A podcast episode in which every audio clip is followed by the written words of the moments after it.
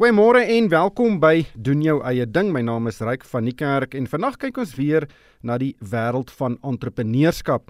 Klein en middelslag ondernemings is die lewensbloed van ons ekonomie en daar is 10000de indien nie honderde duisende entrepreneurs wat suksesvolle besighede staan gemaak het en bestuur.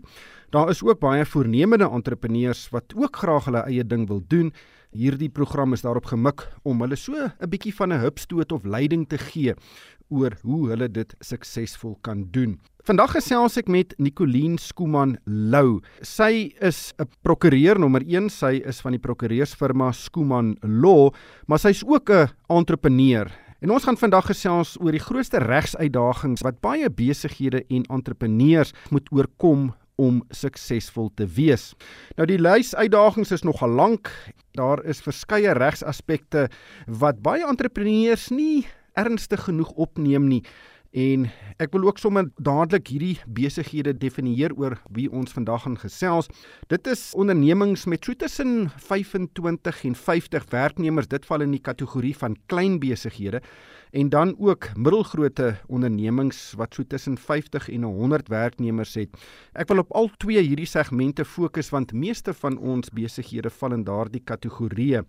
Nicoline, baie baie welkom by die program. Ek gaan sommer met die deur in die huis val. Wat dink jy is die grootste regsfoute wat entrepreneurs en besigheidseienaars maak? Goeiemôre en dankie vir die geleentheid om vandag hier te wees. Eerstens dink ek is die grootste fout wat ons as entrepreneurs maak is om dit uit te stel om na die regsaspekte of die regskwessies in ons besighede te kyk. En dat daar 'n wanpersepsie bestaan dat as mens dit 'n fokuspunt maak, is daar iets fout. Met ander woorde is ons na 'n regsfirma gaan of 'n prokureur gaan sien, is daar iets fout? Die besigheid is siek en dit is nie die geval nie. Ek dink ons kan baie meer voorkomend optree as wat ons heidaglik doen. Kom ons vat gou die lewensiklus van 'n besigheid. Sê nou maar iemand begin 'n besigheid, dan is dit relatief maklik vandag om op die CIPC se webblad maatskappy te registreer, 'n naam te kies en ek het daai proses al 'n paar keer gedoen. Dit vat jou nie langer as 10-15 minute nie en daar is nie eintlik 'n probleem nie. Maar as jy nou 'n nuwe besigheid sien, wat volgens jou dink jy is die heel eerste paar dinge wat jy moet doen net dat jy 'n goeie regs begin het? Ek dink die eerste ding wat mens behoort te doen en kom ons laat addisionele mense wat kan een of ander funksie vervul binne in die besigheid net vir 'n oomblik op sy. Punt nommer 1 is ons kyk na registrasie en om die naam te kies. Min van ons kyk of die naam inderdaad beskikbaar is. En die gevolg van dit is ons bou 'n webtuiste, ons laat druk allerlei materiale vir bemarkingsdoeleindes en dan op een of ander stadium kom ons agter maar iemand anders het reeds hierdie naam in gebruik en ons word dalk dan selfs gedreig met 'n regsaksie. So ek dink die eerste stap wat ons moet neem is om seker te maak dat die naam wat jy vir jou besigheid gekies het inderdaad beskikbaar is en om voorkomend op te tree. Maar die CIPC het 'n funksie wat gaan name soek en kyk of dit beskikbaar is. Is daar dalk 'n geval dat die naam iewers anders geregistreer is eerder as by CIPC? Die probleem is en ek dink dit is die die wortel van die wanpersepsie dat as ons deur die naamreserveringsproses op CIPC gegaan het dat dit akkuraat genoeg is en ongelukkig nie omrede daar is eintlik 3 plekke waarna ons moet kyk wanneer ons besluit oor 'n naam spesifiek en dit is die register van handelsmerke en dit is 'n aparte database teenoor die naamreservering op CIPC. Dan ook op die webtuiste, die domein wat jy sal registreer, dit is ook 'n aparte database en vir meeste van ons probeer ons om een naam te kies wat ons ook dan op 'n handelsmerk gaan registreer in tyd en dan ook om al die materiale, die bemarkingsmateriale daaraan vas te bind. So die probleem is dat ons sien dat mense nie altyd op al drie databasisse gaan kyk of die naam beskikbaar is nie. Ja, en uh, baie sterkte om 'n webadres te kry, 'n unieke ene want daar is so min van hulle oor, maar dit is dalk 'n gesprek vir 'n ander dag. Dan Nicoline kontrakte. En ek dink baie baie slim mense, slim entrepreneurs, professionele mense soos ingenieurs, rekenmeesters, argitekte ensovoorts ensovoorts jy gaan moet kontrakte sluit as jy 'n besigheid het en van hulle kan taamlik ingewikkeld wees. Dit kan kontrakte wees met verskaffers, met kliënte, as jy miskien bates aankoop of wil huur, dan kan van daai kontrakte nogal taamlik gedetailleerd en lank wees en in regstaal geskryf word wat gewone mense nie kan verstaan nie. Hoe groot probleem is dit en hoeveel entrepreneurs maak foute as hulle nou self probeer om deur hierdie kontrakte te werk? Ek dink dit is 'n groot probleem en 'n groot probleem wat ons eers aanspreek sodra daar inderdaad iets fout gegaan het. So die eerste punt is om seker te maak dat sodra die registrasieproses hanteer is, dat die kwessie van 'n regsadviseur, regsfirma om seker te maak dat die verhouding met daardie instansie gebou word van die begin af is krities belangrik. Want soos jy sê, baie van hierdie ooreenkomste is lank. Baie van hulle is gekoppel aan groot kontrakte, groot geldwaardes in terme daarvan en baie kompleks. En in baie gevalle hoop entrepreneurs in my ervaring daarvan vir die beste en hulle teken en hulle hoop dan net alles gaan uitdraai soos wat hulle gehoop het dit gaan. En dan doen dit in baie gevalle nie of daar's 'n dispuut of wanprestasie onder die ooreenkoms en voor ons ons kan kry as ons almal in die hof of in 'n baie duur regsgeskil in betrokke. En dit is regtig 'n groot probleem. So kry maar eerder iemand wat hierdie kontrakte namens jou nagaan en vir jou van die risiko's uitwys van die praktisiteite voordat mens teken sodat daar nog 'n geleentheid is om te heronderhandel as van die terme nie vir jou te vind is nie. Jy het nou verwys na koste. Daar's 'n persepsie dat prokureurs baie baie duur is van hulle vra duisende rande per uur En entrepreneurs aan die ander kant is gewoonlik mense wat hulle sente omdraai. Daar kan dalk 'n aversie wees of 'n persepsie wees dat hulle is nie lus om 10 tot 15000 rand byvoorbeeld te betaal elke keer as hulle 'n kontrak wil laat nagaan nie. Absoluut, dit is 'n groot probleem en dit is iets wat ek dink baie entrepreneurs natuurlik afsit en wat vrees aanjaend is en ek dink As ons kyk na hoe die regsprofessie verander het en die LPC wat nou voorskrifte het met betrekking tot hoe prokureurs met hulle kliënte werk, hoe hulle kostes moet vooruit kan skat en dit kommunikeer, is daar tog 'n beweging, maar die wiel draai baie stadig dat ons meer deursigtig moet wees omtrent die kostes van kwaliteit regsdienste. En ons sien dat Suid-Afrika gemeet aan oorseese regsfirmas begin om na ander modelle te kyk van hoe hulle hulle dienste se pryse vasstel. Ons sien dat ons meer maandelikse tariewe het, amper dat ons die versekeringsmodel gaan begin gebruik om te sê soveel ure, soveel bedrag, 'n maandelikse bedrag wat betaalbaar is, amper soos 'n inskrywing So dit is iets wat ons sien. Ons sien ook vaste fooie en ons sien allerlei verskillende modelle wat hulle self nou in die mark instoot. En kom ons moenie die tegnologie en die tegnologiese ontwikkeling op sy sit nie.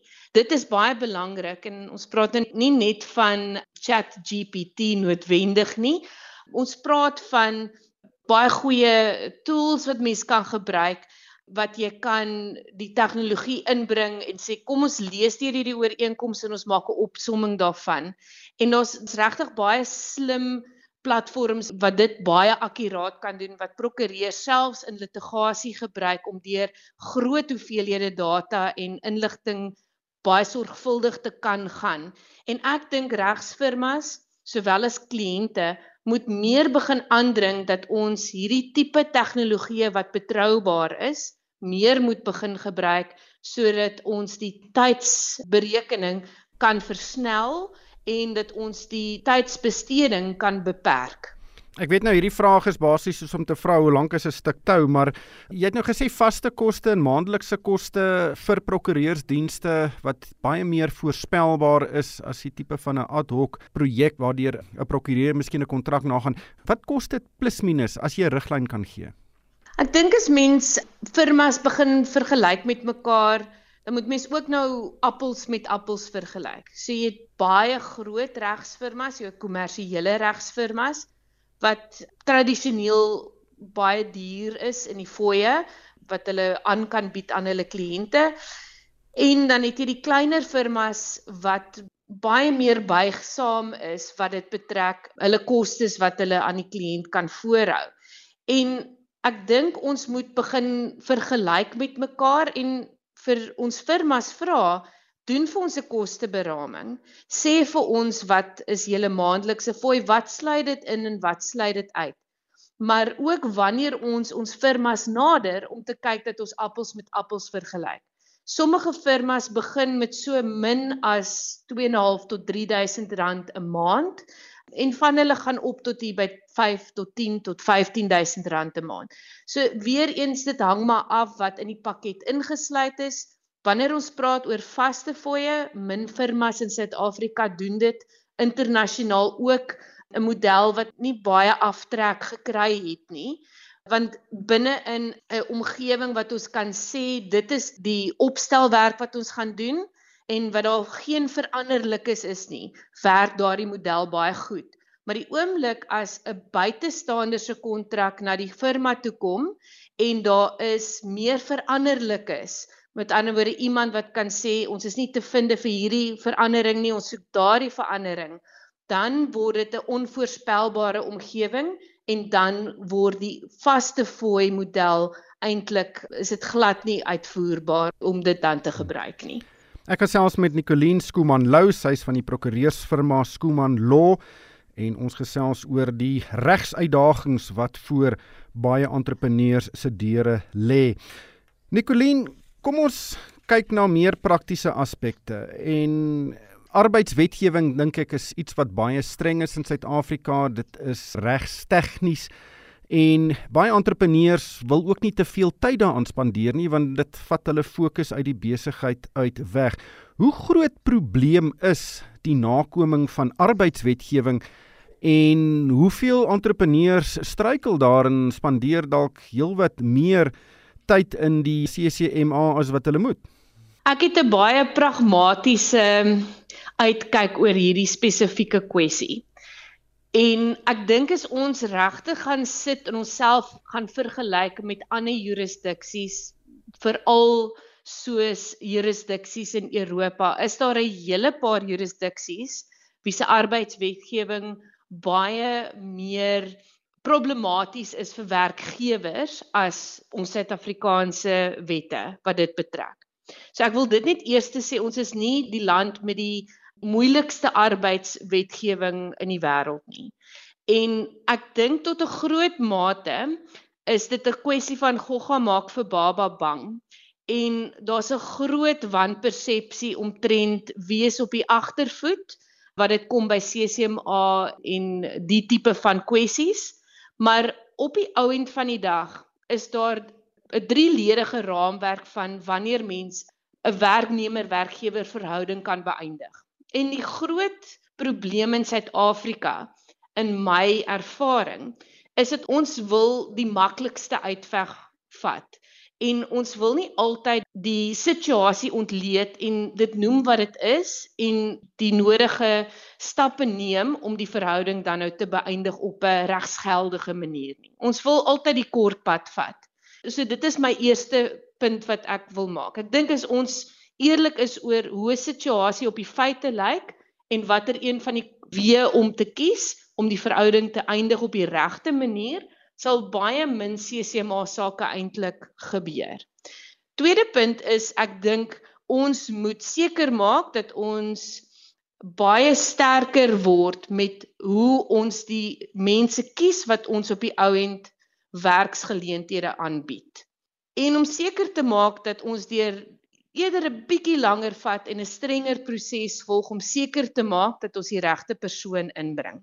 En dan laaste, om seker te maak dat daar absolute duidelikheid is tussen werknemer en werkgewer wat die verwagtinge is, wat die regte is en wat die wat elke party se belofte is aan mekaar. En om seker te maak dat ons almal dit op die regte of op dieselfde manier verstaan. En daarom is 'n verbale dienskontrak regtig al is dit nie 'n vereiste in ons wet om 'n skriftelike dienskontrak te hê nie, is dit 'n groot groot kwessie om 'n aanmerking te neem en om seker te maak dat ons dit in plek het en nie net ook 'n aanstellingsbriefie nie. Wees eerder seker dat ons die nodige detail in ons ooreenkomste sit en dat almal die verwagtinge op dieselfde manier verstaan. Dokumenteer, dokumenteer, dokumenteer. Wat dink jy kan entrepreneurs en senior bestuurders van besighede doen om hulle bietjie meer regsgeletterd te maak sodat hulle van meet af reg kan optree en in die proses dalk die besigheid 'n bietjie geld te spaar? Ek kan hierdie vraag antwoord uit my oogpunt af as 'n entrepreneur myself. Ek dink nie ons moet soos die Engelsman sê 'n jack of all trades en 'n master of none word nie. Met ander woorde dat ons probeer om finansies op die vlak te verstaan wat 'n rekenkundige dit verstaan of om die versekeringsbedryf op dieselfde vlak as 'n makelaar te verstaan of dan nou in die konteks van regsdienste soos 'n prokureur nie. Ek dink ons moet wel seker maak dat ons 'n baie sterk basiese verstaan het van die regsaspekte wat ons besigheid kan beïnvloed. En daar is baie goeie kursusse in die mark deesdae, kort kursusse wat selfs aanlyn gedoen kan word net om seker te maak dat ons die verstaan het in die basiese komponente inwerk in die gesprekke en die onderhandelings wat ons het en om die basiese komponente te kan verstaan van 'n sekere tipe kontrak. Nie noodwendig om die prokureur te vervang nie, maar om wel beter besluite te kan neem. So ek dink dit is baie belangrik. Net soos wat elkeen van ons moes leer hoe om finansiële state te kon lees of 'n begroting bymekaar te kon sit, as ons nie opgelei was daarvoor nie, is dit van kardinale belang dat ons ons regskomponente in ons besigheid op dieselfde manier hanteer. 'n Prokureur is nie net 'n uitgawe nie. Mens moet dit nie eintlik altyd so sien nie, want in baie gevalle kan dit 'n besigheid baie baie geld spaar. amper mens kan dit seker amper sien as 'n tipe van 'n versekeringsdiens waar jy net 'n veiligheidsnet het om jou te vang indien iets nou regtig sou skeefloop. Met jou hoed miskien op as 'n entrepreneur, daar's 'n beginsel van koste van tyd en watse tyd jy wil bestee aan jou besigheid en hoeveel dit dan aan administrasie. En mens moenie daardie tyd wat jy spandeer om dinge self te probeer doen onderskat nie. Absoluut. Ek dink daar's 'n baie baie fyn balans om te handhaaf tussen om take aan te pak wat nie waar jy waarde toevoeg as entrepreneur, as besluitnemer in die besigheid nie. Dink ons moet ingaan in besigheid en baie duidelik weet waarmee is ons goed, waarvoor is ons natuurlik aangelê en waar voeg ons die meeste waarde tot die besigheid. En dan om te kyk watter take moet mens dalk net 'n basiese verstaan van opbou en hoe gaan ons saam met ons verskaffers of professionele diensverskaffers werk? Ek dink ook ons moet ophou om te kyk na regsdienste of rekenkundige dienste as maar net een van daardie uitgawes wat niks vir ons inwin nie en miskien selfs groter dink as 'n versekeringspolis en te kyk met die oë daarna dat 'n oordentlike kontrak stel ons in staat dat wanneer dinge moeilik raak of die onvoorsiene gebeur, die dinge manifesteer wat ons nie gehoop het gaan manifesteer nie, maar dit doen nou, dat dit amper soos 'n kompas word wat vir ons die rigting aanwys oor hoe om uit hierdie huidige situasie uit te kom. Wanneer emosie dalk hoog is of stres hoog is of dat daar dalk finansiële komponente is wat vir ons stres veroorsaak. Miskien is dit 'n groot risiko wat dan manifesteer. So ek dink ons moet daarna kyk om te sê dit is groter as net 'n versekeringspolis. Dis iets wat vir ons uit 'n taai situasie gaan help uitkom, hopelik om die storie nog te kan vertel. Terwyl as ons dit nie gehad het nie, gaan ons dalk soos 'n kat op 'n warm plaat rondspring, baie geld nog mors, baie tyd mors en miskien die besigheid verloor aan die einde van dit alles. Nicoline, baie baie dankie vir jou tyd vandag en dankie dat jy jou insigte met ons gedeel het. Baie dankie. Dit was Nicoline Skuman Lou, sy is van die Kaapse prokureursfirma Skuman Law en ons het gesels oor die regsuitdagings wat baie entrepreneurs in die gesig staar. Luisteraars kan vir my 'n e-pos stuur. My adres is ryk@moneyweb.co.za. En daarmee moet ons groet van my ryk van die kerk. Baie dankie vir die saamluister en ek hoop almal het 'n uitstekende Dinsdag verder.